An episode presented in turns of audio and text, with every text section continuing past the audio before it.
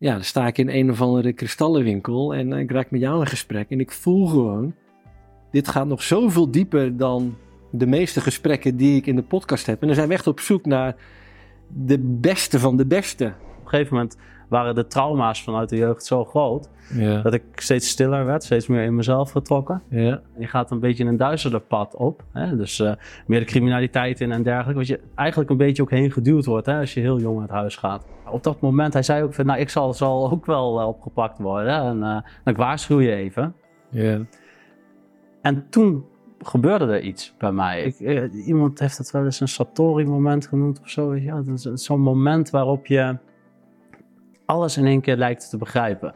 Wat ik voelde is dat alles beleving is. Alles is herinnering, alles is het ervaren van iets. Ja, ja, En ja. Daaruit hoef je geen lering te trekken. Op het moment dat er een, een reden is dat je hier bent, dan is dat hele stukje van vrijheid is al weg natuurlijk. Hè?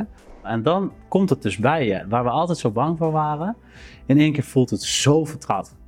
Het voelt als thuiskomen. Want je voelt dan in één keer datgene wat je al een leven lang met je meedraagt, zonder oordeel. Mhm. En zonder oordeel is het heel erg prettig, want het is maar een ervaring.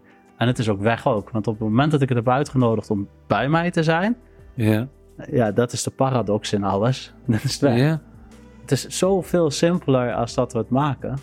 Juist die afgescheidenheid in dit leven zorgt ervoor dat ik iets kan ervaren, kan beleven, toch? Want Ja. laten we eerlijk zijn, als ik vanuit die eeuwige wijsheid was gekomen, had ik toch al die domme dingen niet gedaan. Nee, ja. Maar wat moet ik daarvan leren als ik al eeuwige Ja. wijsheid ben?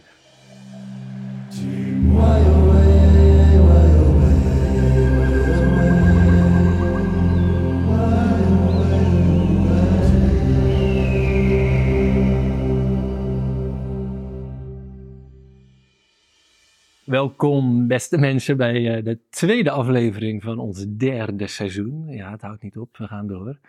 Eh, welkom. Eh, vandaag zijn wij in Hussen met een hele bijzondere gast. Zijn naam is Jochem Antonijs. Eh, nice.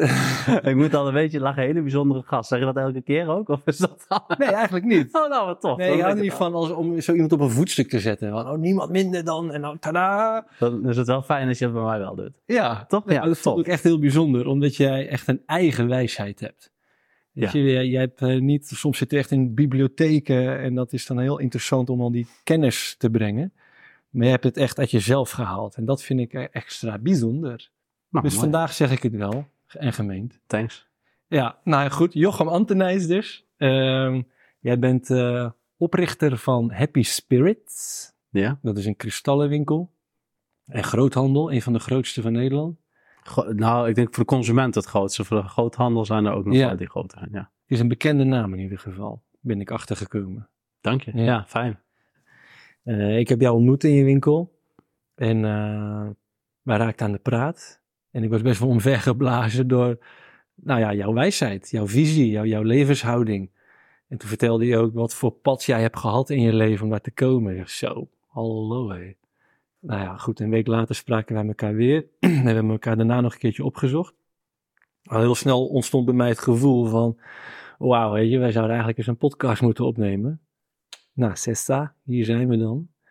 Maar ehm, voordat wij erin duiken, beste mensen, als jullie het gesprek gaan waarderen, waarderen wij het heel erg als jullie delen in je netwerken. Eh, wij draaien op donaties voornamelijk en op boekverkopen. Dan kun je voor naar onze website gaan. Eh, check het linkje in een van de eerste comments. En ehm, ja, zo'n riedeltje. Laten we gewoon lekker beginnen. Ja, Jochem. Mooie man. Dank je. ja, ja, dat mag ook gezegd worden. Ehm, laten we eens bij het begin beginnen. Weet je? Wie, wie ben jij en hoe is jouw leven gelopen tot nu? Dat is natuurlijk lekker een hele grote vraag. Ja, wie ik- ben jij? Nou, Ja, dat ik- is wel heel existentieel, toch? Ook meteen. Dan kan ik mijn stem een beetje sparen, want ik zit te hoesten de hele tijd. Ja, Dus dan kun jij lekker kletsen. Wie ben ik? Nou, daar heb ik niet zo 1, 2, 3 een antwoord op natuurlijk. Maar eh, eh, waar, je, waar je een beetje naartoe wou gaan, hè, is, eh, ehm, is dat, dat het begin van mijn leven totaal anders was dan dat het nu is. Hè? Dat, dat is eigenlijk... Ja, echt een, nogal een contrast. Ja, ja, dat contrast dat komt voort vanuit. Eigenlijk vanaf dat ik op deze wereld rondliep, heb ik altijd wel gehad dat ik mensen zie. Hè? Dus ik kijk naar iemand en ik zie voornamelijk de onzin eigenlijk, weet je wel, van, van alles wat wij allemaal doen, wat ik ook doe, wat iedereen doet, hè, om zichzelf een beetje een houding uh, te geven of iets dergelijks. Dat is natuurlijk al wel een beetje lastig, hè? vooral Ja. als je dat bij je ouders ziet. Dat je denkt, want dan als kleinkind, dan, ja, je bent als, als mens nog niet echt volgroeid, maar energetisch zie je al wel dingen en voel je dingen aan.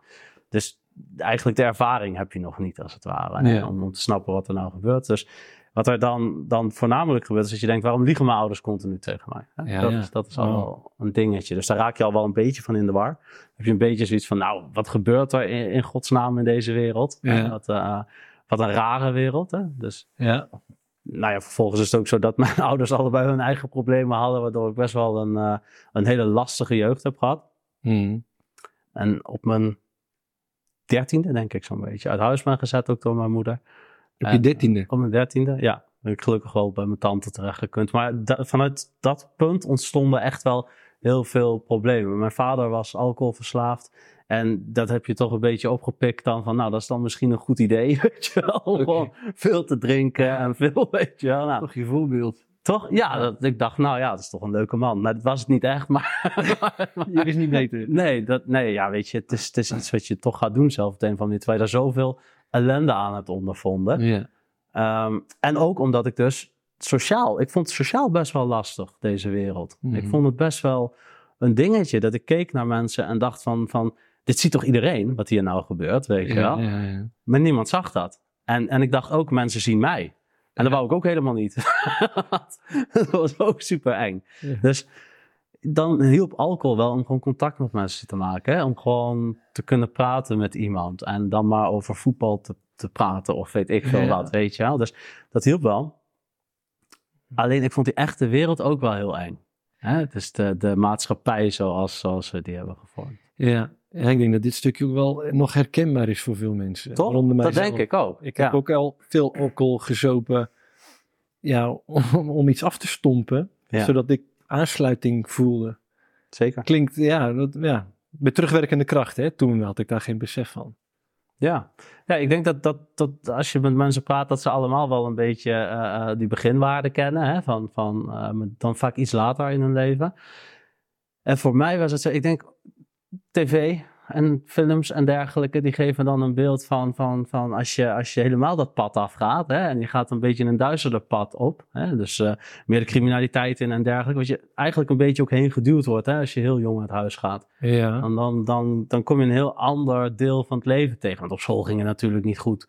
En daar stopte ik vrij snel mee. ja. Dan moest je een plan maken van bureau jeugdzorg, want anders kon je niet stoppen. Nou, mijn plan was om bij de McDonald's te werken, weet je. Ja, dat zijn echt van die dingen dat je denkt, ja, dit gaat hem toch niet worden. je. Dus we zo, zult iets anders moeten doen. ja. In mijn geval kwam ik veel, veel, eh, eh, ja, dat noemen we dan eh, Russen vaak, maar dat zijn eigenlijk Georgiërs, Armenen, Azerbeidzjan en dergelijke kwam ik veel tegen. Die hebben mij een beetje opgevoed. ja. En Russen en Azerbeidzjanen, die heb je al een beetje op. Ja, Georgiërs voornamelijk ook. En eh, eh, Marokkanen. En weet je, alles dat op straat rondloopt. Ja, eh, eh, dat zijn toch ja, minder Nederlanders. Er zitten ook wel Nederlanders, natuurlijk. Maar je voelt je als kind zo weggedrukt. Weet je? Mhm. Zo vergeten door iedereen en alles. ja. Dat je ergens op dat pad terechtkomt. Omdat je nergens anders ook meer echt terecht kan. Niemand wou me echt. Hè? Dat is een beetje een ding. En, waarom was dat? Dat vind ik wel interessant. Je, je moeder zet je niet zomaar uit huis op je dertiende. Was je dan gewoon te beide al dat je een autoriteit niet accepteerde of zo? Ja, ik was altijd een heel. eh, nou, dat is wel eigenlijk een heel extravert kind. Maar, maar op een gegeven moment waren de trauma's vanuit de jeugd zo groot. Ja, dat ik steeds stiller werd, steeds meer in mezelf getrokken. ja. Maar wel dan op een gegeven moment, als er eh, iets van me werd geëist, nee. ja, dat was nee. Dus dat was. eh, en het liep ook gewoon niet lekker. En ik begreep later wel dat. Ze kreeg een nieuwe vriend. En die heeft later wel aan mensen verteld: van joh, weet je, hij paste gewoon niet het nieuwe gezin dat ik wou hebben. Dus hij moest er gewoon uit. Dus dat. eh, Dat heeft de nieuwe vriend van je moeder later verteld. Ja, maar dat is wel hoe hij het zag. Ik Ja. denk dat mijn moeder dat natuurlijk niet zo zag. Weet je? Nee, dat, ja, zal, ja, dat zal echt wel... Iedereen heeft een andere beleving van dingen. Hè? Dus, dus het is niet zo dat mijn moeder nou echt een eh, heel vervelend mens was. Het is wel zo dat ze denk ik de hele situatie niet aankon. En. Dat ze misschien zelf haar leven ook wel zwaar vond. eh, Ja, ja. ja dan, dan kun je dit soort dingen krijgen.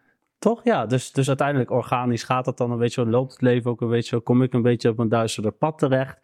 Nou, een beetje, ja, wel flink. Hè? Dus ook Ja. wel met eh, periodes dat ik dakloos was. En eh, eh, eh, ja, je moet toch ergens ook geld verdienen. Hè? Dus het was ook niet helemaal kosher. Laat, laten we dat heel netjes zeggen. Ja, ja. Ja, weet je, met andere culturen komt ook. Hè? Dat zijn mensen uit oorlogsgebieden vaak ook. En het zijn, het zijn mensen die, die anders opgevoed zijn. Heel anders als hier in Nederland. Hè? Van, Ja. Ik ken jongens uit, eh, eh, ehm, uit buurten in, in voormalig Sovjet-staten zoals Georgië en dergelijke. Ja. Een achterbuurt Temka, daar waar gewoon tussen de leeftijd van 18 en 30, daar, daar, daar zitten hij zijn geen mannen, want die zijn dood, weet je wel. Dus dan Ja. zijn, komen ze terug. Maar het is, hè, dus ja, dat is een heel andere manier van opgroeien. Hè, waar wij vroeger op school, als er dan ruzie was, dan, eh, dan, dan gaf er wel eens iemand een tikkie of zo. Hè. Kom hier uit Hussen, dus een boerendorp, weet je wel. Een stad, sorry. Je, je bent hier ook echt opgegroeid. Ik ben hier, nee, ik ben hier geboren, ik ben opgegroeid in Arnhem. ja, ja, maar- ja. Ehm, ja, weet je, dat, dat wel. Alleen dan, dan ga je dus met eh, buitenlanders om. Of in ieder geval Ja. jongens uit die categorie. Want dat Juist. is heel generaliserend Ja, ik anders. snap het. Ja. maar eh, die anders denken, hè, dan, dan, dan was er ruzie en dan stak iemand iemand neer. Of dan schoot iemand op iemand. En dan de eerste keren sta je dan nog te kijken van wat gebeurt hier. Hè, dan zeg je, joh, maar dit is gewoon een kroegruzie. Ja. Maar, maar het hele idee daarover is anders. Hè. Dan zeggen van, joh, ik ben volwassen, hij is volwassen. Als je ruzie wil maken met een volwassen man, dan gebeurt dat. Weet je wel? Dus dat is wel echt een totaal andere wereld als waar we nu in zitten. En hè. dat werd normaal voor jou. Ja, ik woonde ook wel op een gegeven moment, toen ik eindelijk een keer een huis had. Toen woonde ik ook wel in Arnhem in een buurt waar gewoon af en toe gewoon een kogelgat in mijn ruit zat, weet je. Dat was niet eens op mij gericht, dat was gewoon simpelweg omdat dat... Hè, er kwam 's ochtends de politie langs en die zeiden van, joh... Dan dacht ik, oh nee, hè, dan zijn ze dan voor mij. Maar dat was dan niet zo. Die zeiden dan gewoon, er is een kogelgat in uw ruit, weet u dat? Ja, ja, weet je wel. Dus andere manier van leven. Hè? ja zeg dat. Tussen, tussen de zwervers geslapen in Parijs en zo. Maar ik moet ook zeggen, het was ook een prachtige tijd. Mm. Dus aan de ene kant is het heel donker en, en, en, en, en eh, ja, veel agressiever. Hè? Want Ja. het is, je, de actie-reactie is, is e- extreem natuurlijk hè? In, in die regionen. Ja, maar het is ook wel heel avontuurlijk. Hè? Dat je gewoon, dat kan ik me ook voorstellen. ja, Ja, je staat wel aan. Je bent wel alert. ja, ja. Ja, En voor mij eh, eh, denk ik ook gewoon nodig geweest om volwassen te worden. ja wel een route. Ja. En, ehm, ja, wat wel, eh, ja, deel wat je wil delen hoor, maar kun je iets vertellen wat voor jou nou het meest heftige was, wat je toen hebt meegemaakt, waarvan je echt dacht van zo, hallo hé. ja, heftig weet ik niet. Op dat moment dan is het niet zo heel heftig allemaal. Want laten we eerlijk zijn, je drinkt ook wel genoeg erbij. En weet je, Ja, je ja, zit ja. helemaal, je bent helemaal immersed in die energie. Hè? Ja. Dus of, heftig, ik weet niet. Maar er werd, werd wel, er werd, mensen wel fysiek wat aangedaan en zo, eh, re- redelijk vaak. Ja, Ja. ja? En wel echt gewoon dat je denkt, ja, wat gebeurt hier? Maar op een gegeven moment is datgene wel weg. Hè? Want je, je, je, eigenlijk, en daar kwam ik later natuurlijk pas achter, is het, is het zo dat het gewoon een heleboel hele beschadigde jongens zijn. Weet je? Allemaal. Ja, En natuurlijk, er zit af en toe gewoon een psychopaat tussen. Ja, dat is, hè, dat kan je hebben. Kun je ook afvragen of dat niet gewoon iemand is die heel beschadigd is. Hè? Maar Mhm, mhm. over het algemeen toch wel een soort van angst vanuit je jeugd die we proberen te overkomen. Hè? Waarvan je Ja. hebt gezegd van, hé hey joh, ik wil, eh, ik wil hier staan. Ik wil niet dat iemand mij nog iets aandoet. Hè? Dat is Ja. meestal een beetje, eh, voor, Ja, voor mijn gevoel, het effect. ja, ja, ja. Ja. En hoe kwam je toen aan je geld in die periode? Ja. ja, dat is interessant om te weten, weet je. Ja, dat is natuurlijk op allerlei manieren. ja, dat, Ja. dat is altijd een beetje lastig hè, om daar nog later op in te gaan. Maar het is wel, eh, eh, eh, nou ja, dat was niet altijd goed. Maar ik moet wel zeggen, daarbij zeggen dat het wel altijd vanuit handelsgeest was. En nooit, ja, ja. nooit vanuit stelen of iets dergelijks. Want daarvoor Mhm. ben ik dan net weer te goed opgevoed, denk ik. ah, interessant. Ja, mijn moeder heeft later wel een eigen bedrijf gestart en zo. En, eh, dus die was wel ondernemend. Ja, En mijn vader was journalist en mijn moeder ook trouwens. Dus het is altijd wel dat ondernemende zit erin en niet andere echt iets. Kijk, Mm. ja, tuurlijk heb ik mensen wel wat aangedaan. Mm. Zeker wel. Mm. Maar dan was vanuit het idee dat dat het juiste was om te doen. Wat, gek is. Maar Ja. hè, dat een soort opvoed, opvoedkundige tik, maar dan in Ja, kwadraat. Ja, oh, wij zeiden altijd wel eens voor de grap een opvoedkundige elleboog of zo. ja, zo ging dat. ja, Ja. ja, ja. Ja. Wauw man. Ja. Ja. En, en wat is er gebeurd dat je daar uit bent gegaan? Ja, dat is, dat is. Op een gegeven moment was het een moment. Hè? Dus ik had al wel. Ik, ik laat zeggen, ik had op dat moment deed ik het goed. In, in het pad dat ik had gekozen. Ja. ja, goed, hè? maar je snapt wat ik bedoel. Je was een goede survivor. Ja, ja, daar had ik echt wel, wel in mij. Ja. Hoewel iedereen ook altijd wel zei dat ik een beetje atypisch was hoor in die wereld. Want Ja. ik, eh, ik doe graag eh nette overhemden en weet ik het zo, weet je wel. Dat het toch heel raar is dan weer in, in, in ieder geval in die regionen van die wereld. Hè. Zou je misschien wat hoger opkomen, dan komen we misschien nog wat anders. Maar Ja. nee, dat ging goed. En, en, en er was genoeg. En ik weet nog dat op een gegeven moment liep ik eh, in het Imelo Park in Arnhem. Dat, was, dat is een, een park in Arnhem. En ik liep daar en toen werd ik gebeld door een jongen. En die belde mij op en die zei, joh, weet je, er gaat iets helemaal mis. Ja. Gewoon dat, dat, eh, dat, ja, nou, dat was voor mij dan ook van belang. En hij zei, joh, die is opgepakt, die is opgepakt, die is opgepakt. En zo, daar, dat, dat is weg, dat is weg, dat is weg. En ja, ik liep daar. Ja. En ik voelde eigenlijk wel een opluchting meteen al. Nog zo. Want ik had al heel lang zoiets van, ik pas niet. Weet je wel, Ja, ja. dit klopt niet. Wat ben ik aan het doen? Weet je, wel? maar hoe kom ik hier ook uit? Want dat, eh, weet je, dat is ook niet 1, 2, 3 heel makkelijk om. eh, Ja. ik, bedoel, ik heb Mhm. geen opleiding. Hè? Ik heb Mhm. geen. eh, dus hoe ga je dat doen? Maar ja, op dat moment, hij zei ook van, nou, ik zal, zal ook wel eh, opgepakt worden. En eh, ik waarschuw je even. Ja.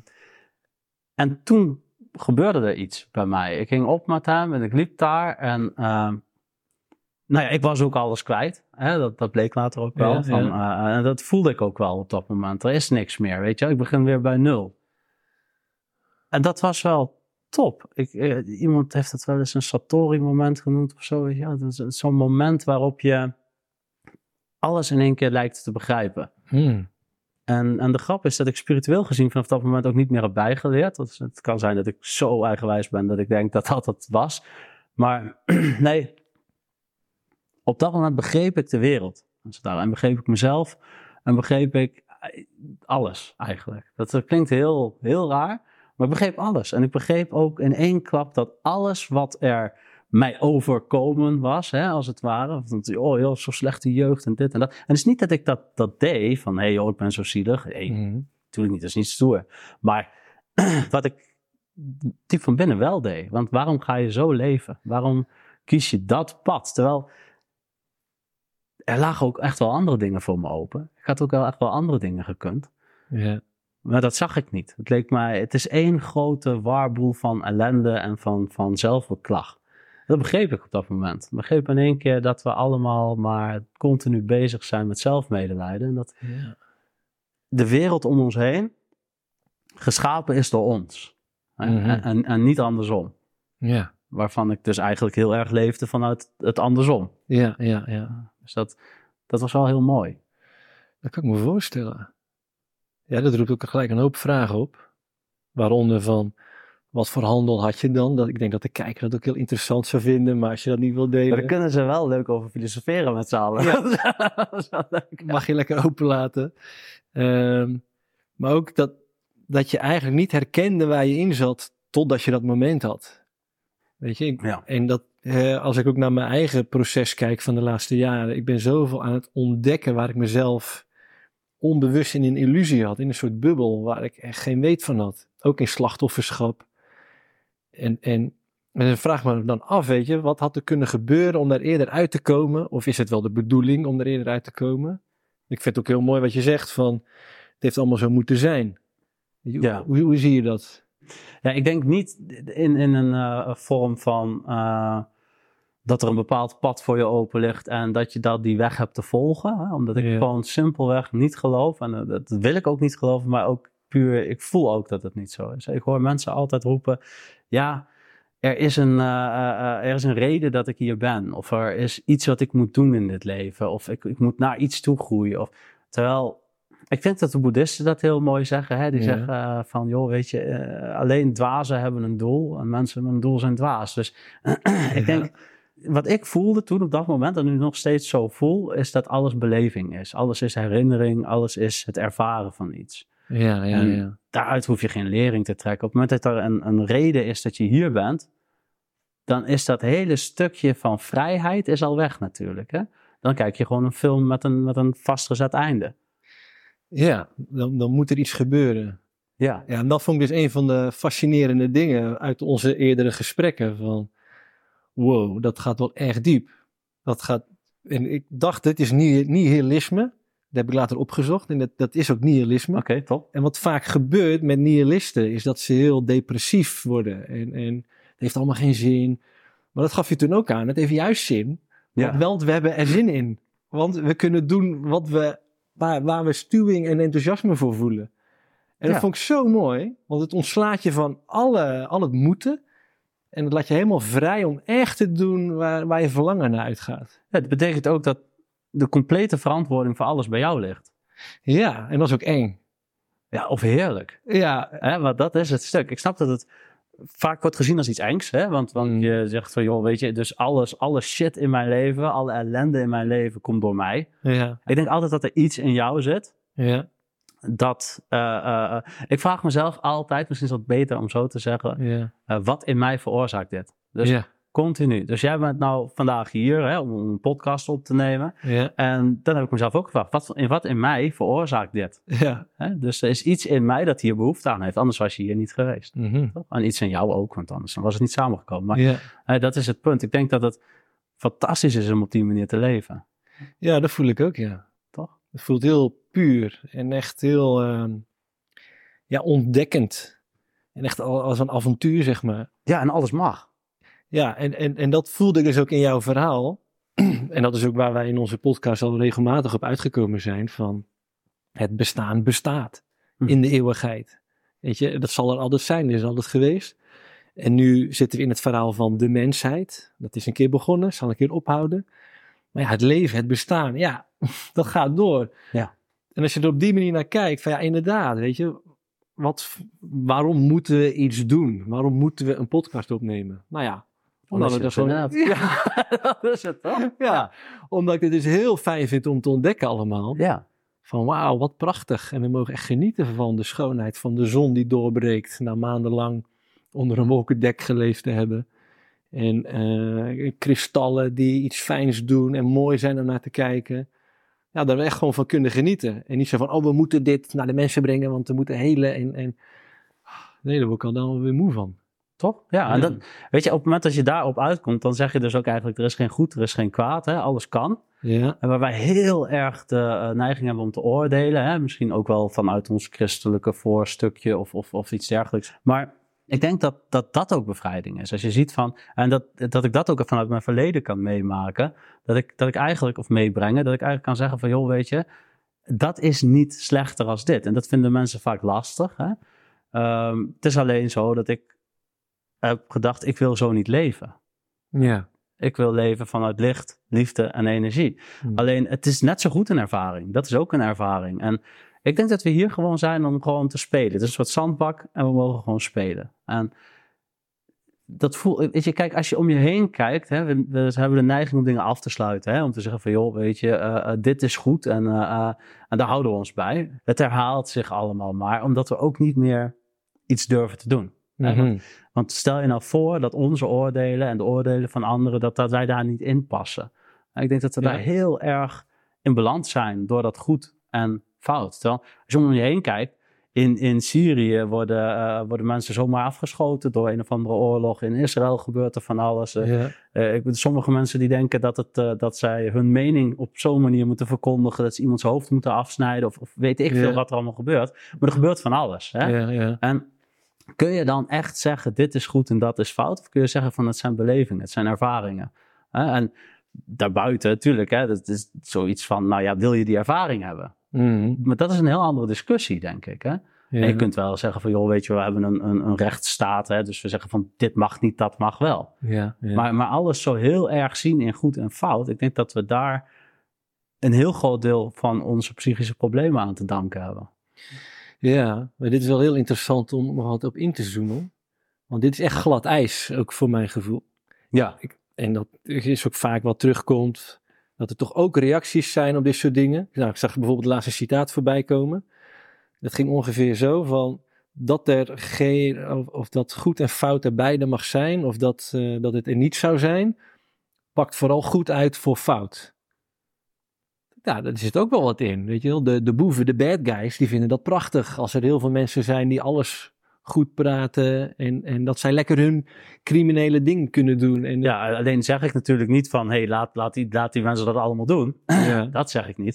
Ik zeg prima, pak ze op, sluit ze op. Geen probleem, hè? Mhm. Want dat is onderdeel van hun ervaring. Juist. Toch? Ik Ja. bedoel, ik ben ook wel eens opgepakt. Hè? Ik heb ook Ja. wel eens een paar dagen in een cel gezeten. Dat, dat is ook een ervaring. En het is gewoon puur waar kies je voor. Hè? Dus kies je voor die ervaring, dan hoort dat erbij. Dan hoort erbij Ja. dat je je wat donkerder voelt, dat het niet prettig is, dat je angsten hebt, die je misschien niet eens herkent. Maar dat het allemaal erg onprettig is. Hè? Je leven spiraalt langzaam naar een heel Ja. duister. Maar het is een keuze. Ja. Kijk, en dat we daar als maatschappij niet aan willen, ja, dat, dat, dat is wel fijn. Ik vind het ook niet fijn als nou iemand hier komt inbreken en ons allebei verkracht en vermoord. Precies. Je, dat is Ja. ook niet, Ja. niet iets waarvan ik nu denk van, nou, daar heb ik zin in. Weet, maar het is Ja. een ervaring die je wel deelt dan samen. Ja, die voel ik. En ik voel ook de, eigenlijk een soort van, nou ja, nee, geen noodzaak, maar onvermijdelijkheid. Weet je, de- deze schepping, dit verhaal is ooit een keer begonnen in een onwetendheid, in een gewoon pure nieuwsgierigheid. Wat zou er gebeuren als we mensen maken? En dan wordt letterlijk alles wordt uitgeprobeerd. En dan is het ook, nou ja, de ervaring die leert wat fijn en niet fijn is. Waar we de voorkeur aan gaan geven met z'n allen en, en wat niet.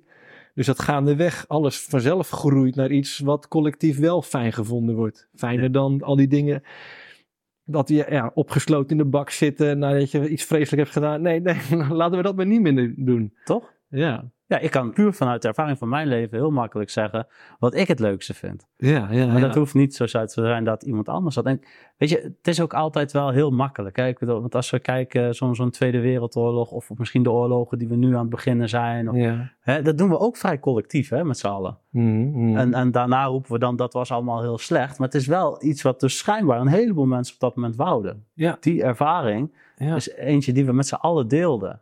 Ja, dat- dat- daar kunnen we dan later heel erg over oordelen. Mag van mij, maar het helpt het allemaal niet. Ja, het, ja, het is denk ik onderdeel van het volwassen worden van de mensheid. Ja, denk je? Ja, ik denk wel dat er iets achterblijft van een les.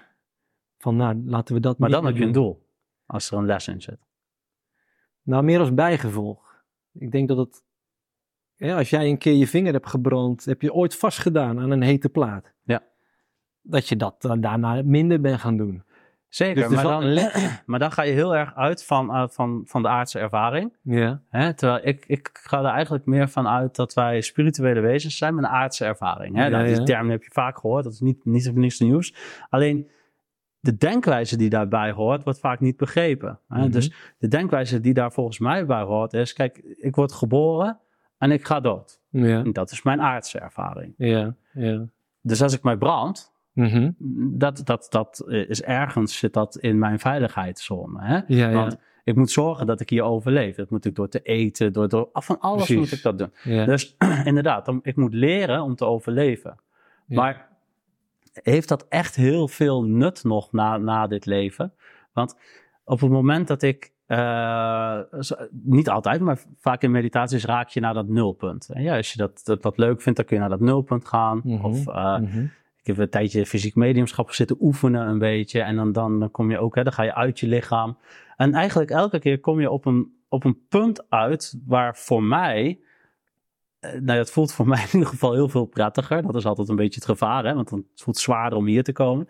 Maar waar voor mij alles zo is zoals het is. Ja. Zonder al die angst en onzin en karakters die we vormen om angst en, en, en, en bullshit. Het, het voelt gewoon goed. Alles is zoals het is. En het voelt als een, als een, als een eternal wisdom. En Ja. het punt is dus voor mij, juist die afgescheidenheid in dit leven zorgt ervoor dat ik iets kan ervaren, kan beleven. Toch? Want Ja. laten we eerlijk zijn, als ik vanuit die eeuwige wijsheid was gekomen, achter al die domme dingen niet gedaan. Nee, ja. Nee, dus ik kan nou iets. Maar wat moet ik daarvan leren als ik al eeuwige Ja. wijsheid ben? Maar dit vind ik zo grappig, want ja, je hebt gelijk. En dat, dat, maar dat vind ik zo grappig, want ik hoor het je vertellen van ja, dat, maar dat is dit leven en, en wat is dan het nut? En ik denk dan, van nou ja, het nut is dat de mensheid leert, je moet voorzichtiger met vuur omgaan. En als we ons minder daarmee zorgen hoeven te maken, dan kunnen we veel meer tijd hebben voor andere dingen die leuker zijn. Maar ja, dan kom je weer op hetzelfde punt eigenlijk. Wat is dan daar het nut van? Want Ja. ook dat verhaal gaat ik weer ophouden. En, en dan Juist. kom je uiteindelijk toch weer uit in die oneindigheid. En denk je, oh ja. Dus het is gewoon spelen dan, hè? Ja, vanuit, vanuit ja. dat. Dat is wel lekker, vind ik. Ja, dat is het. Toch? Ja, ik schiet er een beetje van in de lach. Want het is gewoon, het is super grappig. Ja, maar dat is volgens mij ook gewoon puur wat spiritualiteit voor mij in ieder geval is. Is gewoon dat, lachen, hè? Ja. maken, Ja. niet zo serieus zijn. En neem jezelf ook niet zo serieus, want heel eerlijk, het is allemaal onzin. Weet je wel? Ja, Dat is ook een van de eerste dingen die ik zeg als ik lesgeef. Dus een van de eerste dingen is die ik zeg: Zo, jullie hebben allemaal, ik weet niet, duizend euro betaald of zoiets, hè, voor, om hier te zijn. Ja, ja, jullie zijn gestoord, want alles wat ik ga vertellen is onzin. En zo is het ook. ja. En wa- waar geef je les in? Ik geef les in transhealing en op het moment eh, spirit work. Ik nou al eventjes weer een paar maanden geleden, want ik doe het nog maar soms. Als ik zin heb, dan schrijf ik een les uit. dan kunnen mensen zich inschrijven. En dan, eh, dan gaan we dat doen. En een spirit work is voor mij eigenlijk, eh, nou ja, dit soort filosofieën komen ook wel enigszins aan bod. Ja, Maar het is voornamelijk het eh, contact maken met de andere zijde. ja, En mensen leren hoe ze kunnen helen. Andere mensen kunnen helen. Wat Ja, ook vaak één grote onzin is, als ik heel eerlijk ben. Mhm. Want wat ik zelf er- ervaar, ervoer, geen idee hoe je dat zegt, maar is, is eigenlijk dat het onzin is. Dat, dat ik, dat ik, ik stond mensen te helen met allemaal aangeleerde technieken en dingen die ik doorkreeg van de andere kant. En om dat allemaal nog mooier te maken. En, dan denk ik, ja, dit is, dit is placebo-effect. dit is gewoon puur wat mensen graag willen, is dat ik er een soort show van maak. ja. Terwijl op een gegeven moment begon ik steeds meer te merken van als ik, hè, want daar kom ik uiteindelijk op uit, als, als, als, als we allemaal één zijn, ben ik God. Hè? Of, of, of al dat is, vind ik prettiger klinken. Hè? Dan, dan gaan we ook niemand tegen de schenen schoppen. Maakt me eigenlijk ook niet uit. Maar het is het is van eh, eh, eh, dat je dan. Ja, weet je, op het moment dat je al dat is bent, dan het enige wat ik hoef te doen, is die ervaring in mij vergeven. Hè? Want in vergeving vind ik een mooi woord, omdat het is, het is bijna alsof je zegt van ik snap dat ik het heb gedaan. Hè? Dus als ik mezelf vergeef, dan, dan zeg ik eigenlijk, ik heb dit gedaan. Want ik heb hier dus een Kun- hand in. Kun je die uitleggen? Vergeving, het woord? Ja, vergeving. Op het moment dat ik, dat ik, dat ik zeg van eh, ik wil dit geheeld hebben, dan is het bijna alsof ik slachtoffer ben. Of dan is het gewoon alsof ik slachtoffer Ja. ben. Hè? Want ik, er moet iets. maar op het moment dat ik mijzelf vergeef voor iets wat er is gebeurd, dan zeg ik dus: ik heb dit gedaan. Ja, ja. En dan kom ik in een heel nederige positie voor mijn gevoel. Hè? Dan ga ik echt zeggen van oké, dit is iets wat ik heb gemaakt. En ik wil dit graag oplossen. en eigenlijk merkte ik dat de wondergenezingen, hè, die ik, die ik eh, eh, eh, niet, echt niet elke keer had, weet je, Mhm. maar die dan ehm, sporadisch voorkwamen. En dat was dan hetgene waar ik naar streefde ook altijd. Hè. Het moest een wondergenezing zijn, anders was het niet goed genoeg. Weet je wel? Ja, Maar dan merkte ik eigenlijk altijd dat ik me heel erg eh, kon inleven in datgene wat diegene vertelde, zonder dat ik daar echt ook emoties bij heb hoor. Want zo ben ik zelf niet. Dat, dat, dat- Ik denk Mhm. dat het is jouw ervaring, weet je wel. Ja. Heb de lol mee. Eh, Dan, en het lijkt me ook de juiste, anders gooi ik alleen maar onzin op jou. Maar Mm. eh, op het moment dat ik dat dan besefte en dat ik dacht van dit is, dit ben ik. Weet je, ik heb dit, ik, eh, ik heb hier last van.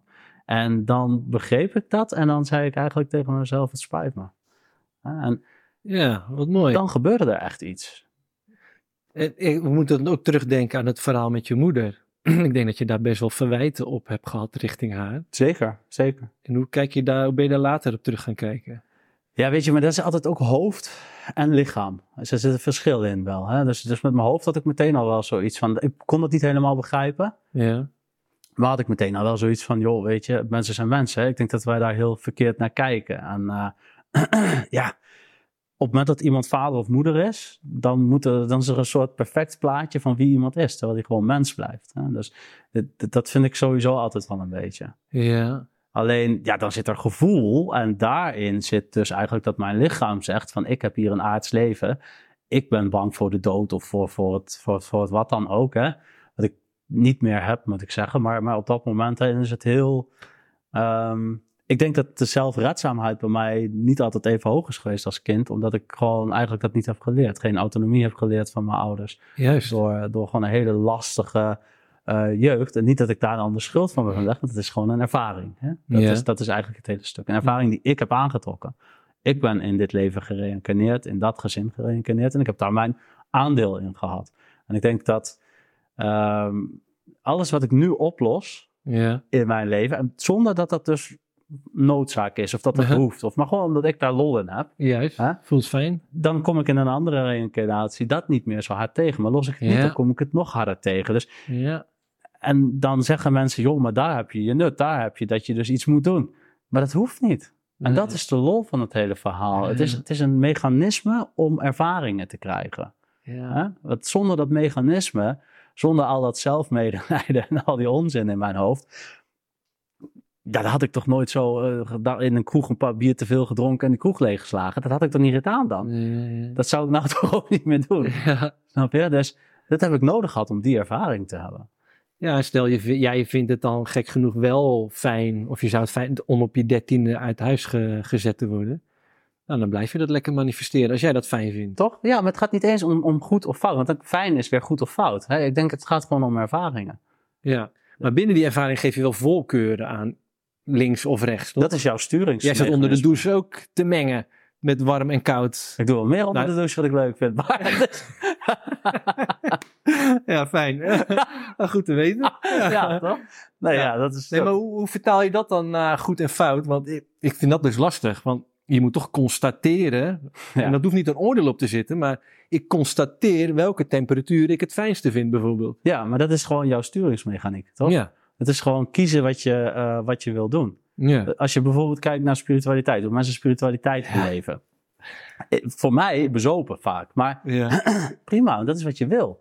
Hè, dus wat ik dan zie vanuit, vanuit het uitgangspunt van, joh, weet je, wij zijn spirituele wezens met een aardse ervaring, dan vind ik dat spiritualiteit wel erg veel gebruikt wordt om terug te gaan naar die spirituele ervaring. Dan denk je, joh, wacht nou even. Nou ja, daar zeg je wat. Ja. Toch? Van, je, bent, je bent zo dood. Dan kun je, dan kun je terug. Dat is prima, weet je wel. Ja, ja, ja. Ik zelf kies er dan voor om te zeggen van... ik integreer dat in mijn leven. Ja. hè, en, en, en doe dan wat ik ook wil. Hè? Ik bedoel, Ja. niet het een of het ander. Ja, wa- wat je, wat je nou zegt, hè, ja, dat gaat helemaal heel snel, maar het gaat zo ontzettend diep eh, voor mij. Want wat ik zie gebeuren is inderdaad dit: dat, dat een, een deel van nou, spirituele groeperingen of religies, die, die schieten naar dat spirituele. Ja. En, en dat verdwaalt dan eh, op een bepaalde manier. En dat is, maar inderdaad, blijf hier. Maar ook wat je zojuist ook vertelde van, eh, het, ja, het is zinloos en het bestaat toch wel. Dat, dat wordt ook heel vaak heel fatalistisch opgepakt. Hm. Van, oh, dat is levensgevaarlijk wat je zegt. Maar dat doe jij juist niet. Nee, Je bent juist, hoe ik jou heb leren kennen, super liefdevol. En ook wat je, wat je doet met je werk en zo. En dat vind ik zo fascinerend hieraan. Alsof je het gewoon helemaal doorpakt. Wat hier allemaal altijd bedoeld is, maar niet helemaal begrepen is voor mijn gevoel. denk ik. Ja, misschien wel. Maar dat is wat je net zei, nihilisme dan. Hè? Ik vind Ja. het woord er wel mooi voor. Eigenlijk. Ja, ja. Wil ik zeggen dat ik me niet echt heb ingelezen wat nihilisme is. Maar het, Nou, eigenlijk moeten we omdraaien. Want nihilisme, nihil, alsof het niks is. Maar misschien moeten we er allesisme van maken of zo. Nou, dat is wel wat ik, wat ik ook wel in eh, eh, healings gebruikte bij mensen. Hè? Omdat je probeert iemand te raken. Hè? Want dat is het enige wat je probeert. Je Ja. probeert een, iemand te raken zodat iemand tak, iets pakt. Hè? Want ja. zijn ze klaar om iets te pakken? Voor de rest is het, is het redelijk onzin. Maar het, het hele punt is eigenlijk dat ik wel altijd probeerde te zeggen van... je bent alles Mhm. en dus ben je niets. Ja, kun je die verder uitleggen? Want die heb ik ook wel eens voorbij horen komen. Maar dat zijn dan van die dingen. Nou, weet je wat het is? Als je alles bent, ben je ook niets. Toch? je? Nee, die vat ik niet. Nee? Nee. Nee, vanuit het nulpunt, vanuit, eh, eh, eh, eh, vanuit alles dat er is, op het moment dat ik daar kom, en eh, daar ga ik echt niet elke dag heen. Mensen zeggen altijd, ik ga elke dag mediteren, ga ik daarheen, dan zit ik helemaal... Dat is leuk als je daar zin in hebt, maar Ja. ik niet. Ik heb ook gewoon een leven, weet je wel. Ik heb ook gewoon, gewoon, gewoon zin om heel andere dingen te doen. Hè? Ja. Ik heb ook zin om gewoon normaal een voetbalwedstrijd te kijken of weet ik veel wat, weet je. Het Ja. hoeft voor mij niet allemaal continu daarmee bezig zijn. Maar op het moment dat ik op dat nulpunt ben, Mhm. dan voel ik niets. Er is Ja, dat niets. ken ik, ja. Dat je helemaal, ja. Er is helemaal niets. Ja. Maar tegelijkertijd voel je alles. Toch? Het is heel lastig, hè? want hoe leg je uit hoe een ananas smaakt als je een ananas eet? Ja.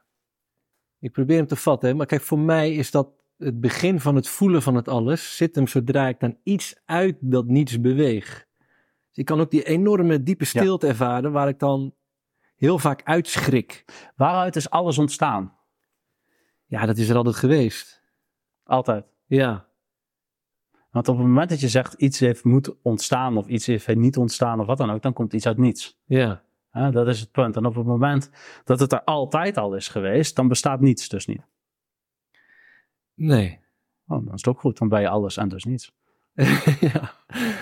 ja, dit blijft ook een beetje een Want als mindfuck. niets alles is. Maar, maar, maar dat is eigenlijk, ja, dit, dat kan ook een beetje een mindfuck overkomen. Maar, maar het punt zit hem er wel in van dat die afgescheidenheid, die zien wij als een soort van iets. Ja, toch? Ja. Dus dan, dan, dan maken wij een soort, soort, Ja. soort iets van onszelf. ja, dan hebben we ineens een tafel. Ja. En, ja. En wat dus makkelijk werkt, is om te zeggen van, maar je bent niets. Hmm. En als je niets bent, dan ben je dat stukje niet. Dat stukje Ferdinand of dat stukje Jochem die allemaal rare denkbeelden heeft over de wereld en weet ik het en zo. Maar terwijl als ik naar mijn kern ga, heb ik die echt niet. Of ik probeer ook altijd om niet te oordelen. En ik ben toevallig iemand die niet heel erg veel oordeelt. Hmm. Maar, maar er zijn altijd kleine oordeeltjes die, die komen. Maar vanuit Ja. mijn kern, vanuit de kern, doe ik dat niet. Dus Ja. dan ben ik eigenlijk alles, maar ik ben ook niets. Ik ben niet datgene wat ik heb bedacht dat ik ben. En ik ben nog minder dan dat zelf, dus ik ben niets. Dat is wel heel mooi, dat uitgangspunt. Dat dat je basis is. Toch? Ja, Dan neem je jezelf ook helemaal niet zo serieus, joh. Dat is ook lekker. ja. Ik, ik, ik- ik hoor de kijkers nu ook al reacties typen. Dat is vaak zo, als ik iets niet begrijp, dan krijg ik mailtjes en dingen. En dan ook een keer, wat het me ook aan doet denken, is dat er ook een keer een boze reactie was. Van, wat zitten jullie nou toch te lachen? Ja. En toen was er iemand anders die een reactie gaf van, ja, zij hebben dat stukje al geheeld. Ik dacht, oké, dat is dan zo in jouw ogen? Ja, ik weet het niet. ja of we hebben er geen, geen waarde aan toegekend. Ja, ik denk het. Maar ik, ik kom vaak eh, ja, uiteindelijk uit echt op een enorme schaterlach. Dat Ja. ik mezelf echt in wil houden, omdat ik het dan ongepast vind. Wat ik dan nog grappiger vind. Ja, ik zou het gewoon doen. Ik heb niet voor niks, mijn bedrijf heb ik Happy Spirit genoemd. Ja, Eh, tenminste, het, waar ik ook de stenen verkoop en zo, dat, dat heb ik Happy Spirit genoemd. En eigenlijk alleen maar om het feit dat ik vind dat dat is het. Dus dat happy, Ja. dat lachen, dat gewoon... En ik maak ook totaal misplaatste grappen en dingen die echt niet kunnen. Weet je, in de hele woke ding zou ik, nou, dat zou helemaal niet goed gaan bij mij. Maar, maar het, hele, hele punt is lachen en allemaal niet zo, want dat hele woke idee, ja, daar word je ook, daar word ik heel erg moe van. Hè? Dat Ja. is allemaal heel Ja. streng. Hè? Van, pas op dat je een ander niet beledigt. Terwijl voor mijn gevoel is het dus zo, die ander, die laat zichzelf beledigen, toch? Het is Ja. niet iets wat ik zeg. Hè? Want als ik mij beledigd voel door iets wat jij zegt, dan zit dat toch in mij. Dat heeft toch niks met jou te maken? Ja, nou dat is ook echt een, een, een, voor mij in ieder geval, een pad geweest om op te komen. ik weet nog wel dat ik eh, mezelf echt ernstig heb gevonden. Ik was altijd echt frivol als kind en als in, eh, op de middelbare school ook. Was echt lachen met mij. Ik vond mezelf echt grappig. Lachen we bij. ja, en ook sommige leraren zelfs vonden me ook grappig. De meeste niet, maar goed. een paar wel. Dat was helemaal een keten. Maar eh, dat, is, dat is best wel. En in de podcast ook hebben mensen ook wel eens tegen mij gezegd van, eh, over mijn speelsheid en mijn humor. Ja. Wat ik dan ter plekke ook wel confronterend vond tijdens dat gesprek. Dacht ik, hallo, ik zit jou te interviewen. Hou eens op. Maar ze hadden wel een punt. Weet je, en, en maar dat verbaast me zo over jou. Ja, dan sta ik in een of andere kristallenwinkel en ik raak met jou in gesprek. En ik voel gewoon, dit gaat nog zoveel dieper dan de meeste gesprekken die ik in de podcast heb. En dan zijn we echt op zoek naar de beste van de beste. Weet je, de echte non-dualisten, de mensen die in eenheid denken. En, en, maar toch, eh, en niks ten nadele, want dat geldt ook lang niet voor iedereen. Maar als ik jou zo hoor, daarin voel van ja, de speelsheid, de humor, je zelfspot. Denk ik, waar kom jij nou weer ineens vandaan? Wat, voor, wat voor mensen lopen er nog meer rond op deze planeet waar wij geen weet van... Zitten wij in onze spirituele beweging niet onszelf helemaal op te sluiten? Ja, denk met, ik wel. Ja, met, met, want wij denken dan, oh, die heeft een goed boek geschreven, die heeft een vette podcast. En verder, heel de wereld is gek geworden. Ja. Maar zitten we onszelf niet helemaal gek te maken? En is onder de radar is er al onwijs veel leven gaande. Dat denk ik wel. Ja, ik denk dat die normalisering eigenlijk van die spiritualiteit, dat dat, dat het nieuwe tijdperk is. Ja, dat, is eh, eh, eh, dat is waar we heen aan het gaan zijn, denk ik. ja, ja, nou ja, wij willen daarvoor waken. Maar ja, als een vis in zijn eigen vieze water heeft geen idee dat hij in vies water zwemt, want dat is zijn norm. Ja. En dat geldt voor ons net zo. Die wil ik echt niet aan voorbij gaan. We hebben ook wel eens gezegd in de podcast: stop met podcasten kijken, stop met boeken lezen.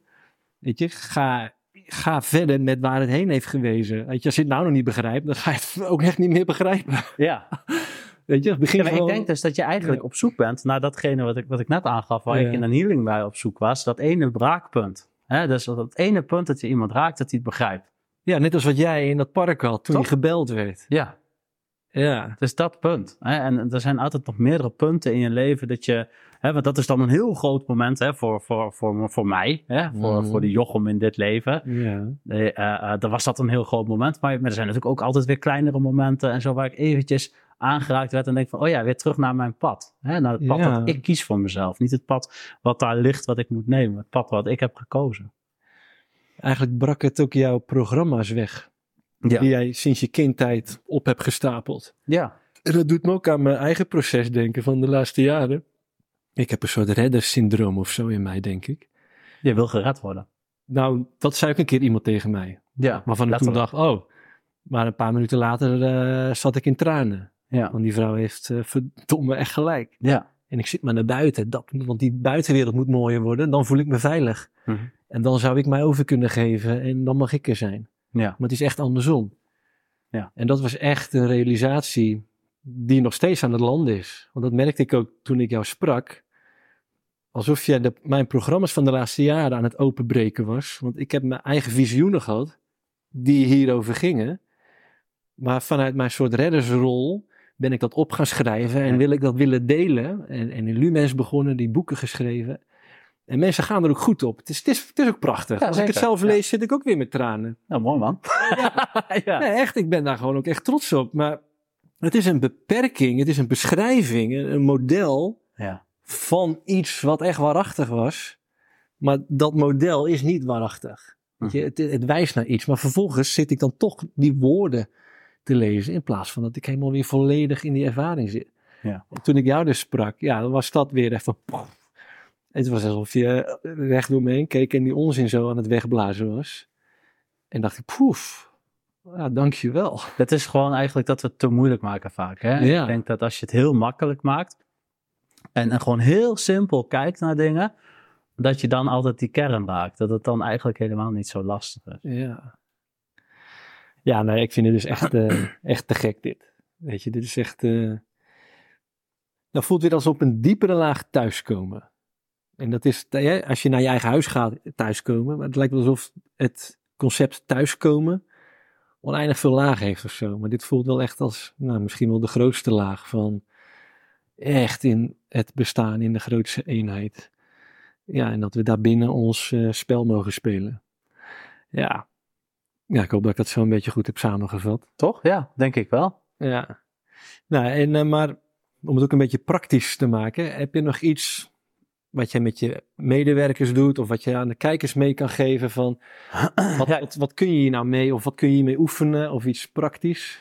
Ja, ik denk dat sowieso hè, dat, dat eigenlijk de diepste les ligt hem erin om dingen out of the box te bekijken. Een term die natuurlijk iedereen kent, maar nooit Ja. helemaal snapt. Hè, want vaak zoeken we de oplossing binnen het probleem. Maar we draaien het allemaal om. Hè, We Mhm. maken daar een. eh, als je bijvoorbeeld zou kijken naar, goh, hoe, hoe ben ik nou op dat stuk beland? Hè? Dan, dan kom je dus op een bindings- of een verlatingsangst. Hè? Voor mij is hetzelfde, verbindingsangst. Ik vind dat een Ja. existentiële angst waaraan wij allemaal wel lijden. Hè? Want je wordt geboren. En eigenlijk die geboorte is al de afscheiding van het al dat is, voor een deel. Hè? Is het niet, maar het voelt Ja. zo. Hè? Ja. Dus je ziet ook dat, eh, dat een baby gaat huilen. Hè? Dat, dat is meteen zwaar. Ja, zwaarte. Ik heb het zelf ook wel eens. Als ik eh, helemaal weg ben uit mijn lijf en terugkom in mijn lijf, dat ik gewoon moet huilen.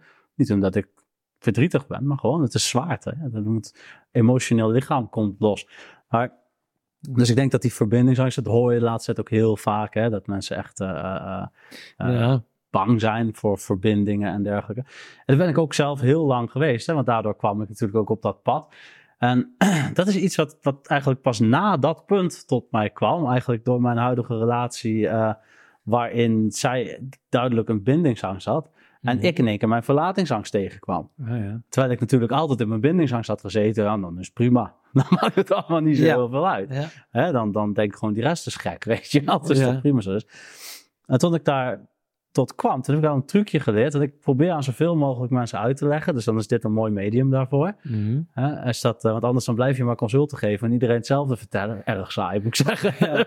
dus misschien dat Ja. eh, als dit nou heel goed wordt opgepakt, dan... dan ja. Waar, waar ik op een gegeven moment achter kwam, ik had heel erg last van mijn, uh, van mijn uh, verbindingsangst op dat moment. Ik was aan het fietsen en ik fietste in een parkje. Parkjes zijn schijnbaar momenten waarop ik epiphanies heb. maar ik fietste naar mijn werk, ik was in het parkje en ik, oh, ik heb zo'n last van die, die, die, die kriebels in je buik die je dan kan krijgen. Die, die angst, die zenuwen. Ja. Verschrikkelijk was het. Ik, ik, ga gewoon stoppen, ik ga op dat bankje zitten, dan ga ik me later open, maar me ook allemaal niet meer uit.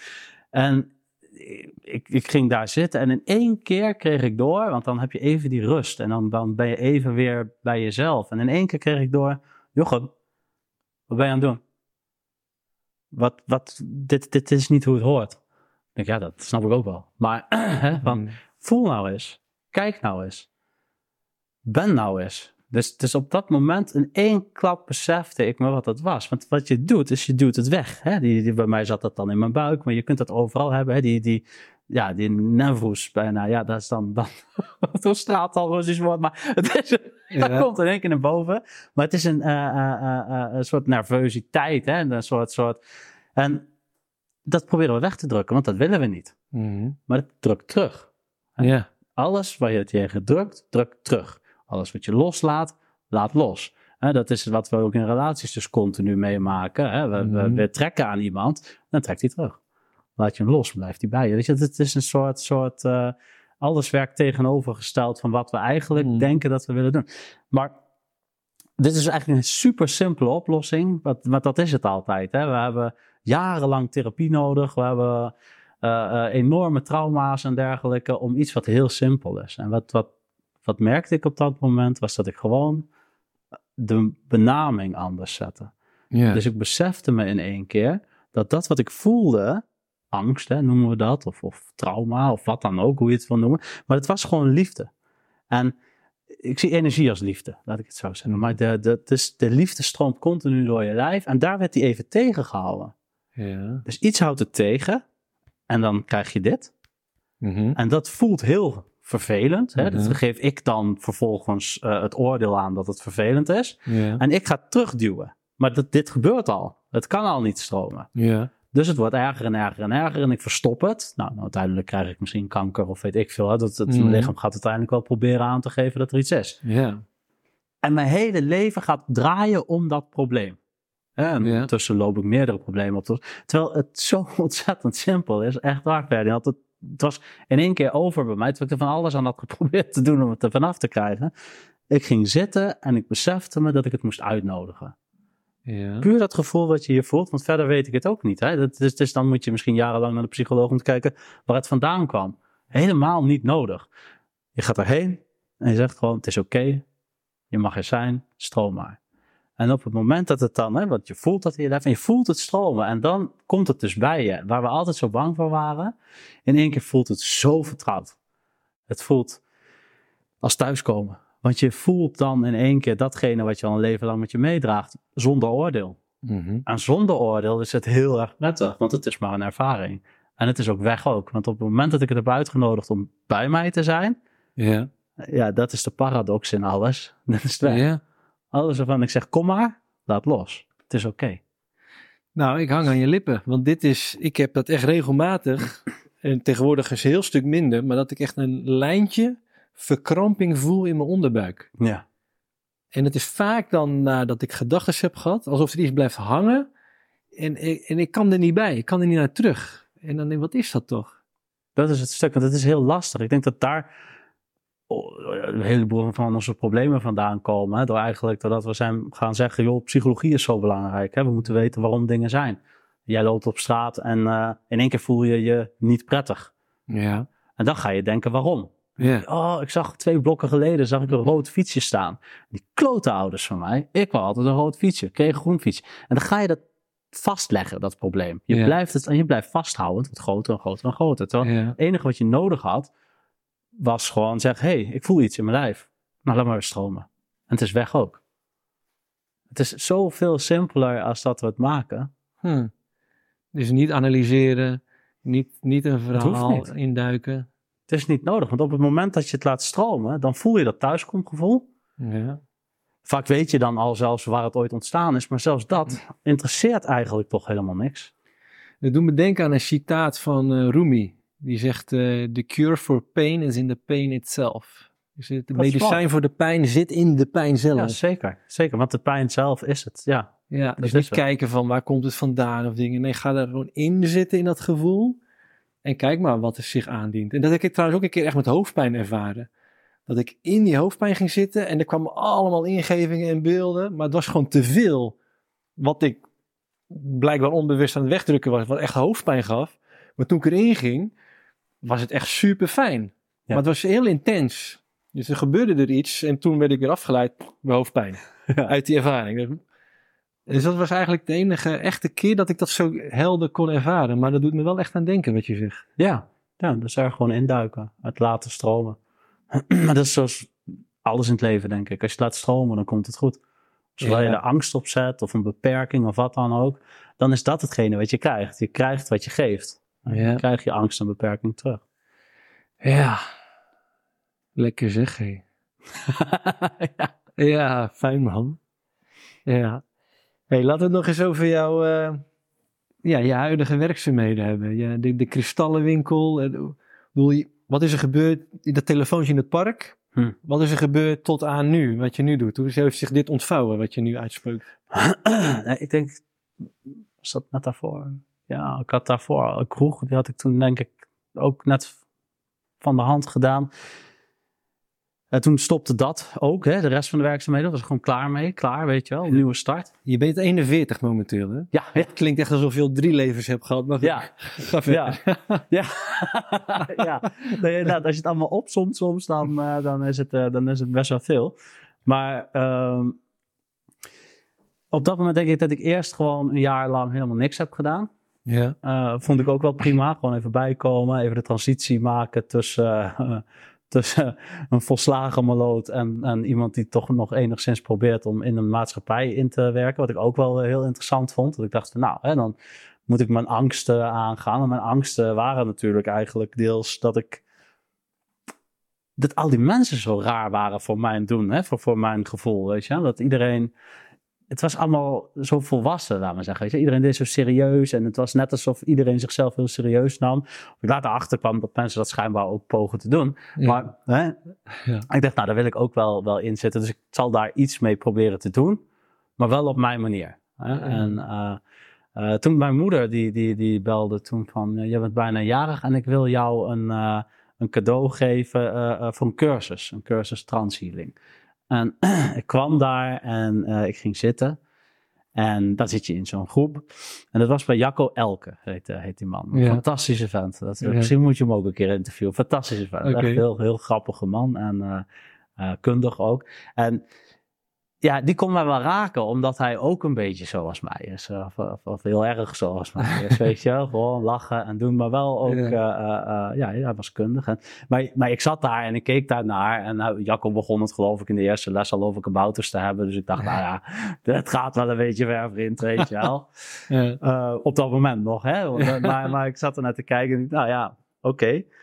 En hij kwam, ik denk de tweede les naar me toe of zo, joh, weet je, ik zie wel, je kijkt alles, weet je wel. En ik zie dat je alles ziet en, en dat, je, dat, je, eh, dat je het allemaal ziet, weet je wel. Hij zegt, maar je gaat dus zelf lesgeven.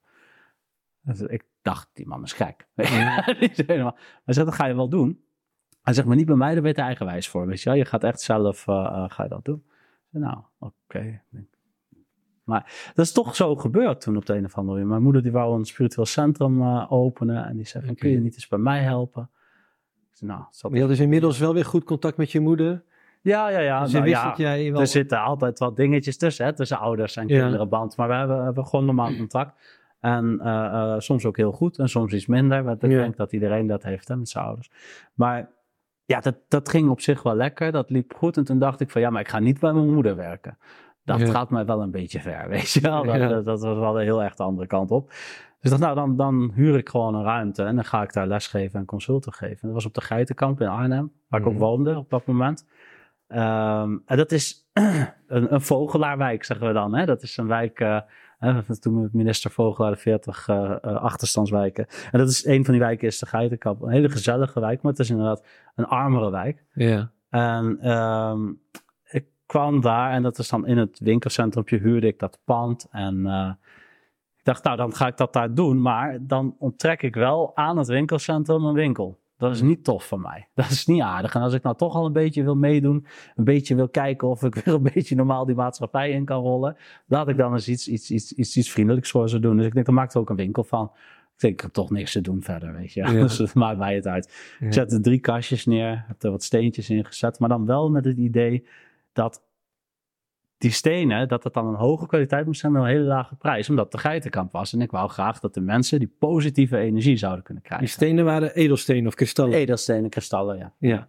Ehm, dus ik ben eigenlijk gewoon eens gaan kijken en gewoon naar het buitenland gaan bellen en, en, en doen. En eh daar erheen geweest ook. En gewoon kijken van nou hè. Maar dan nog had ik bijna geen geld. Ik heb 5000 euro geleend ergens en van die winkel begonnen. Hoeveel jaar geleden is dit trouwens? Tien jaar. Ja, oké. Ja. En ik had drie kastjes met steentjes neergezet. En ik denk, nou leuk, weet je wel, voor de mensen hier zo. Dan eh, kunnen zij voor een eh, goede prijs kunnen ze dat, eh, dat doen. Alleen tegelijkertijd ja, ben ik ook wel gewoon een ondernemend iemand. En weet je, ja, zie ik wel kansen en dergelijke. En is dat gewoon ontzettend uitgegroeid. Mhm. Ja. En nog steeds vanuit diezelfde visie van laten we nou proberen om Ja. zo goedkoop mogelijk Ja. een hele mooie energie naar mensen toe te kunnen brengen. ja. En dat is eigenlijk wel wat ik er zelf heel erg leuk aan vind. En daarin belichaam je echt wat je zojuist in het hele gesprek hebt gezegd. Van niet met een doel, maar gewoon leuk. Je, je voelt dat maar. Ja, het is lol eigenlijk. Hè? Dus dat is het stukje. Ja, natuurlijk, eh, op het moment dat een bedrijf groter wordt, dan zijn er altijd wel momenten dat je denkt van, nou zou ik de hele zooi verkopen, gewoon ergens op een eiland gaan zitten, weet je wel. ja. Maar goed, dat is Ja. ook mens eigen, denk ik. Maar eh, nee, Maar- zolang ik er lol in heb, is het leuk. Ja, ik zie het je ook. Ik volg je op eh, Instagram en ik moet er regelmatig om lachen. Om die, om die gekke filmpjes Ja. die je maakt. En dan staan je medewerkers naast je gekke bekken te trekken. En Ja. wat gebeurt hier? ja, dat klopt. Ja. ja, het is wel anders dan anders. Ja, dat klopt. Ja, daar krijg ik ook wel eens opmerkingen over van mensen die zeggen, joh, je, je doet je hele bedrijf er niet hiermee. Je staat als een, als een soort aap, sta je daar te springen en te doen. Maar anders vind ik het niet leuk. ik moet er zelf vooral heel veel lol aan hebben. En als ik dat niet meer heb, dan stop Ja. ik ook. Ja. Ja. Ja. ja, te gek. Te gek om zo te leven, man. Ja, ja, maar ik denk dat iedereen eigenlijk het liefste zo leeft. zeker. Zeker, ja. Maar ja, we doen maskers op. We denken iets te moeten. En we spelen serieuze rollen. Ja. Want dat wordt van ons gevraagd. ja. Stel, er komt een politieagent langs die alleen maar zit te grappen en te grollen. Dan denk je, hallo, eh Sjaak. Een beetje orde handhaven. Ga boeven vangen. Ja, we willen toch... Je dat geeft toch een veilig gevoel ergens dat het allemaal serieus genomen wordt. Maar de grap is juist, dat doet het juist niet. ja, dat geeft mij een heel onveilig gevoel als iedereen Ja. heel serieus aan het doen is. Ja. Dan denk ik, wat, wat, waar gaat het over? ja, doe eens even normaal, man. ja, ja, ja. Ja. Of het gaf mij een onveilig gevoel. Tegenwoordig, heel eerlijk gezegd, maakt me allemaal helemaal niks Nee, snap ik. Ja. ja, ja. Ja, ja bijzonder. Oké, en eh, dus dat was tien jaar geleden. En sindsdien dat winkeltje met die drie kistjes en stenen, dat is helemaal doorgegroeid. Ja, dat is, dat is helemaal doorgegooid. Ja, dat ik ook gewoon ontzettend veel lol in heb om, eh, Ja. om iets te ontdekken. Hè. Het is een soort schat zoeken elke keer. Hè. Je bent op zoek naar de, naar de mooiste stenen. En Ja. waarvan ik dan ook een mooie energie wil hebben. Mhm. En ik wil het doen op de manier waarop anderen het niet doen. Hè? Dus ik ga zelf op zoek, ik wil het zelf vinden. Eh, niet, niet zozeer als met een pikhouweeltje, hè? maar ik wil, ik wil de juiste partijen vinden steeds. Dus ik vind het leuk om eh, contact te hebben met, met iemand die voor zijn hele familie bijvoorbeeld dat dan aan het doen is. Weet je? Dat ik weet van, hij is degene die het uit de mijn haalt. Ja, Hè? Zijn neef en zijn vrouw en weet ik het, die zijn die dingen aan het polijsten en die zijn het mooi aan het maken. ja. En dan vervolgens komt het mij, zodat er zo min mogelijk handen aan hebben gezeten. Want dat vind ik gewoon heel belangrijk. Dat is ook energetisch belangrijk. Ja, zeker. En dat het niet eh, puur winstbejag is. Want die man met zijn, met zijn familie die dat doet, hè, Mhm. of, of misschien een man alleen, of maakt allemaal Mhm. niet zoveel uit. Maar voor hem is dat ook zijn hele wereld. Hè? Dus het is voor hem een prachtig iets. Hè? Het is niet alleen maar geld verdienen. Die man is trots daarop. En op het moment dat ik Mhm. merk dat iemand echt trots is op die stenen Mhm. en er echt heel veel van houdt, ja, dan, dan, dan heb ik al een spark. En mensen zeggen het ook. En dan zeggen ze van, joh, weet je, bij jullie, die stenen zijn echt, het is zoveel beter. Wat doen jullie ermee? Mhm. Niks, we houden gewoon van die stenen. Dat is het hele stuk. Als je houdt van Ja. datgene wat je doet, dan voel je dat gewoon. Ja, prachtig. ja. Maar jij, jij, jij kent dus, of jij hebt direct contact met lokale kristallenminers Ja, zeker. over de hele wereld. Of in wat voor land is dat? Eigenlijk ehm, over heel de wereld wel. Ja, we hebben in Indonesië dan eh, eigenlijk het geboortedorp van mijn opa, Sukabumi.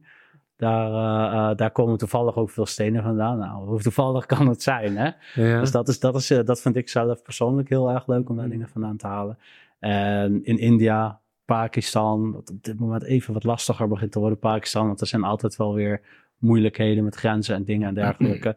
Maar, maar ook in China heb je hele mooie partijen zitten, hè? Die, die, die, de niet-AliExpress partijen, laat maar zeggen. Weet je. ja. Eh, Brazilië doe ik de laatste tijd ook heel veel mee. Eh, Peru vind ik fantastisch om dingen mee te doen. Dus ja, het is, het is over Marokko. We hebben heel veel uit Marokko. Vind ik ook echt Oh, ja. fantastisch. Ja, Eh, ja, ja. Dus ja, nee, leuk. Leuk maar was je al bekend met kristallen? Nee. Wat het doet? Nee. Dat, ja, vertel, wat, eh inmiddels ben je expert, denk ik dan? Ja, dat denk ik. Ja, ja, je weet er heel veel van. Hè? Je kent alle stenen, je kent de werkingen van de stenen. Ja. Je kunt ze onderscheiden, hè? dat is al heel wat. Je kunt ook zien wanneer iets niet echt is. Hè? Dat is ook wel altijd wel prettig. Oh, ja.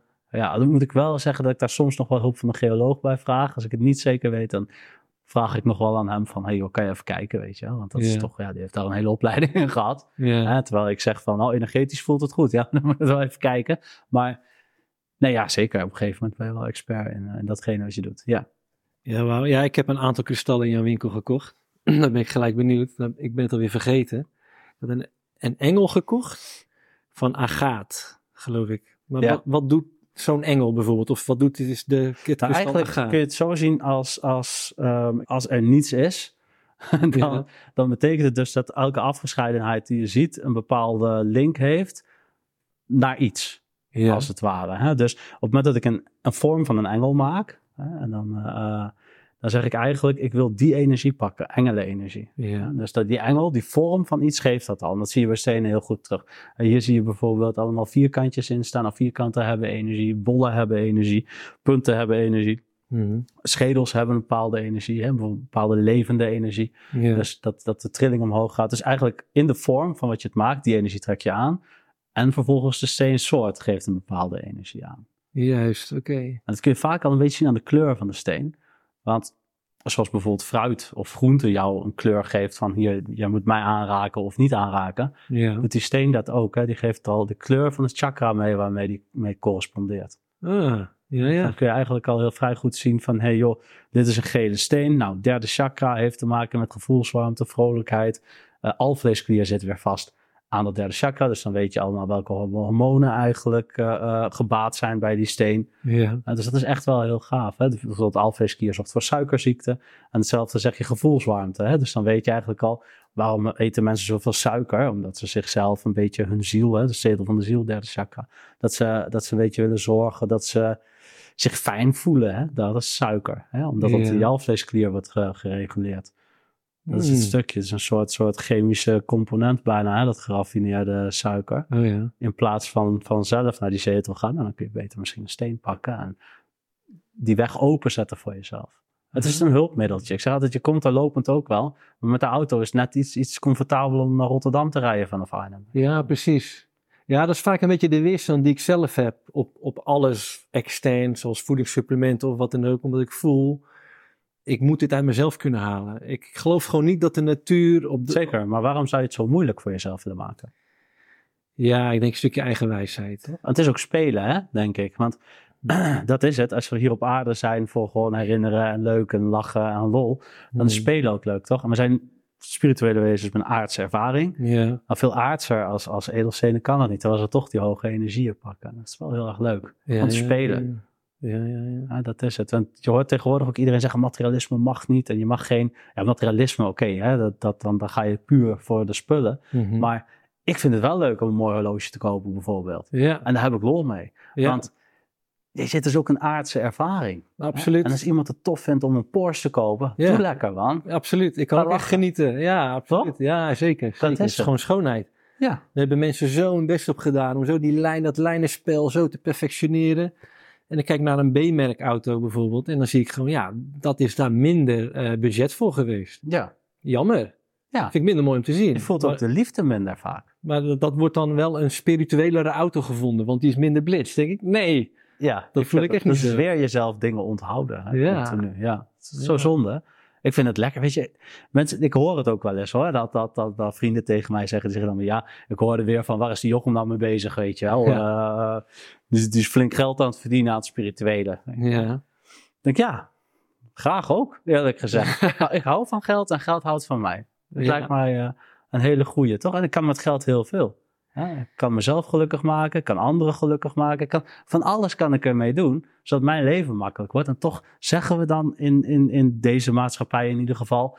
joh, hey, terwijl de maatschappij is totaal op geld is geënt. Mm. Dan zeggen we van, joh, weet je, dat is een heel slecht iets. Ja. Yeah. ja daar snap ik helemaal niks van. Nee. Grappig dat je dat zegt, uh, geld houdt van jou. Ja. Dus op een, op een nog hoger plan zag ik dat ook voorbij komen. Istara zei dat. Um, dat je als je in je goddelijke identiteit stapt, dat je dan hetgeen, de energie bent waar de overvloed naar op zoek is. Ja. Dus dat je het echt automatisch dan ook aantrekt. Ja, zeker. Ik denk dat alles.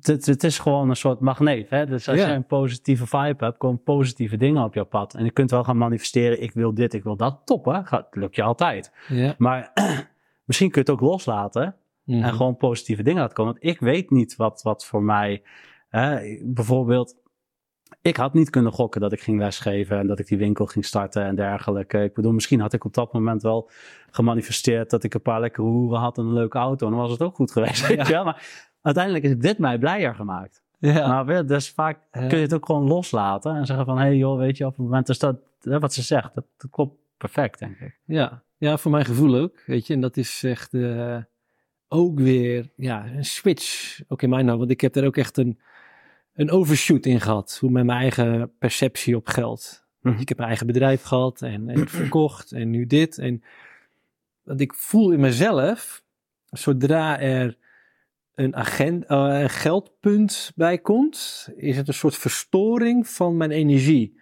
Alsof er een, een andere factor mee gaat spelen, wat dan de zuiverheid zou verwateren. Ja. Dat was dan wat ik, wat ik soms voelde opkomen, waardoor ik de overtuiging of de conclusie trok, dat hoort er niet bij, dat moet er echt uit. Mag, mag geen geld opleveren. Maar dan zie Je vindt het jezelf niet waard, dat is eigenlijk wat je zegt. nou ja, dat is inderdaad een grote thema in mij deze maanden. En Ja. dat is echt een grote grap, hoe dat op verschillende punten allemaal zo nu weer bij het gezicht en het kijken is van, ja, ja, kijk maar in die spiegel, vriend. Lekker, hè? Ja, en jij hebt het aangevraagd, dus het is tijd. Ja. Zeker. En, en nu kan ik er ook zo in kijken.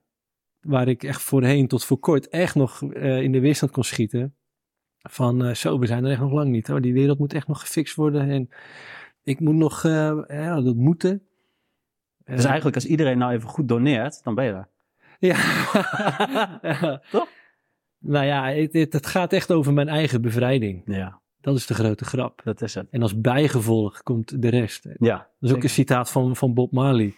Not wanting anything attracts everything. ja. Vond ik zo sterk. ja en, dat is vanuit dat nulpunt leven. en dat is ook zo'n ding wat ik steeds dieper ben gaan voelen. En nu door dit gesprek ook weer. Van ja, inderdaad. Het niks willen eh, brengt je alles. Ja. En dat is echt, echt, een- ook echt een mindfuck. Van ja, oké, want dan, dan komt die manipulatiedrang weer. Ik wil alles, dus ik ga doen alsof ik niks wil. Ja. Ja. Ik ga affirmaties... eh, Maar het kan wel. Wat ik mezelf bijvoorbeeld heb aangeleerd op een gegeven moment, omdat ik dat manifesteren vond ik prachtig, hè, om dat eventjes meegemaakt te hebben. Dat je, eh, ik weet nog dat ik op een gegeven moment, terwijl we de winkel net begonnen, ja. en eh, een vriend van mij die hielp mij af en toe en die zat in de winkel. Ik zei, nou, we hebben al anderhalve dag geen klant gehad, weet je wel. Ja. ik zeg, ik ben er maar klaar mee. Ik ga Ja. iets leuks doen. Ja, zegt hij, ik zal me even openhouden. Ja, dat is ook goed, weet je wel. Ja. Ik zei, dan ga ik naar de stad en dan gaan we iets leuks doen. Ik ga naar de stad, ik neem 500 euro mee, koop ik een horloge, als terug ben gekomen, heb jij hier 500 euro in de winkel verkocht. Ja. En in die tijd zetten we bijna niks op, nog, we waren net begonnen. En eh, ik denk, nou, dat gaan we doen, weet je. Hij zegt, dat kan toch niet? Ik zei, dat zeker wel, want Ja. hè, manifestatie. Dus ik ga naar de stad en ik zie een horloge, maar die was 1500, geen 500. Dus ik geef 1500 uit. Ik ben een uurtje weg geweest, ik kwam terug en ik belde hem onderweg. Ik zeg, en? Nou, zegt hij, veel meer. Drie keer zoveel, jongens, 500 euro. Ze net 1500 euro uit. Ik zeg, ja, maar de grap is, zij het bonnetje laten zien. Een horloge 1500. Nou, weet je, dus, dat is manifesteren. Dat is superleuk. Ja. Alleen het beperkt je ook. Want wat ik dus vroeg, is evenveel geld als dat horloge. En als ik dat misschien niet had gedaan, was Ja. ik misschien wat dubbele binnengekomen. Dus ja. het is een heel beperkende overtuiging om jezelf te zeggen, ik wil dit. Ja. En dit vind ik dus echt wat mij ook uh, ja, van frightening vindt. Echt, echt beangstigend van wow, de kracht die we hebben met de eigen gedachtes. Wat we de wereld inzenden, het universum inzenden. En ik heb dat dus met mijn vorige bedrijf zo exact ervaren. Dat mijn intenties die ik voelde, hm. niet zozeer wat ik zei in woorden, maar echt wat ik voelde, heb ik exact gekregen. Ja. Exact. Niet, niet meer en niet minder. En dat klopt ook helemaal.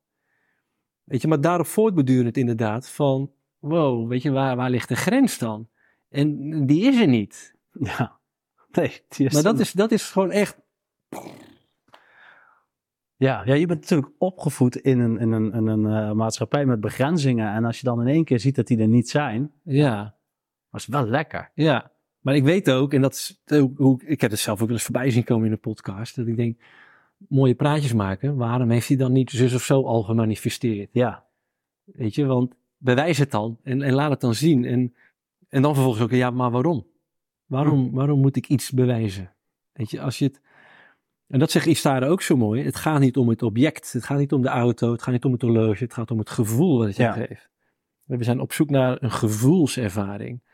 En we denken dat dat dan via iets tastbaars, iets fysieks moet. Maar dat is het vehicle. Het gaat uiteindelijk om het gevoel. Ja, het gaat om of iemand gelukkig is. Ja. Nou, uh, meneer Antonijs. ik vond het een waar genoegen. Ik ook. Komt je achternaam nou uit Indonesië? Ja, de achternaam komt uit Indonesië. Precies, ja. ja dus ook de, veel van de kristallen. Ja. Hey, ik vond het echt mega bijzonder, man. Ik ben je heel uh, dankbaar. Ik vond het echt gaaf. Maar ook omdat het zo anders dan anders is. Even een heel ander geluid. Wat wel over hetzelfde gaat, maar dan nog wat ruimer voor mijn gevoel. En wat lichter, met wat meer uh, lol. Dat vind ik ook fijn. Lekker. Ja. Dus, ja. Nou, beste mensen, dan ga ik jullie heel genereus om geld vragen. Geef grenzeloos en je zult grenzeloos terug ontvangen via een andere route, maar niet via mij. We gaan het zien, dat is de magic. en ga naar onze website tijdboeklumens.nl voor onze nieuwsbrief in ieder geval. Dan blijf je op de hoogte van uh, ontwikkelingen, nieuwe podcasten en evenementen. En... Uh, deel het gesprek ook in je netwerken. Dat kunnen meer mensen ervan genieten en dit uh, moois ervaren. Ik vond het prachtig in ieder geval. Dus uh, aho en tot ziens.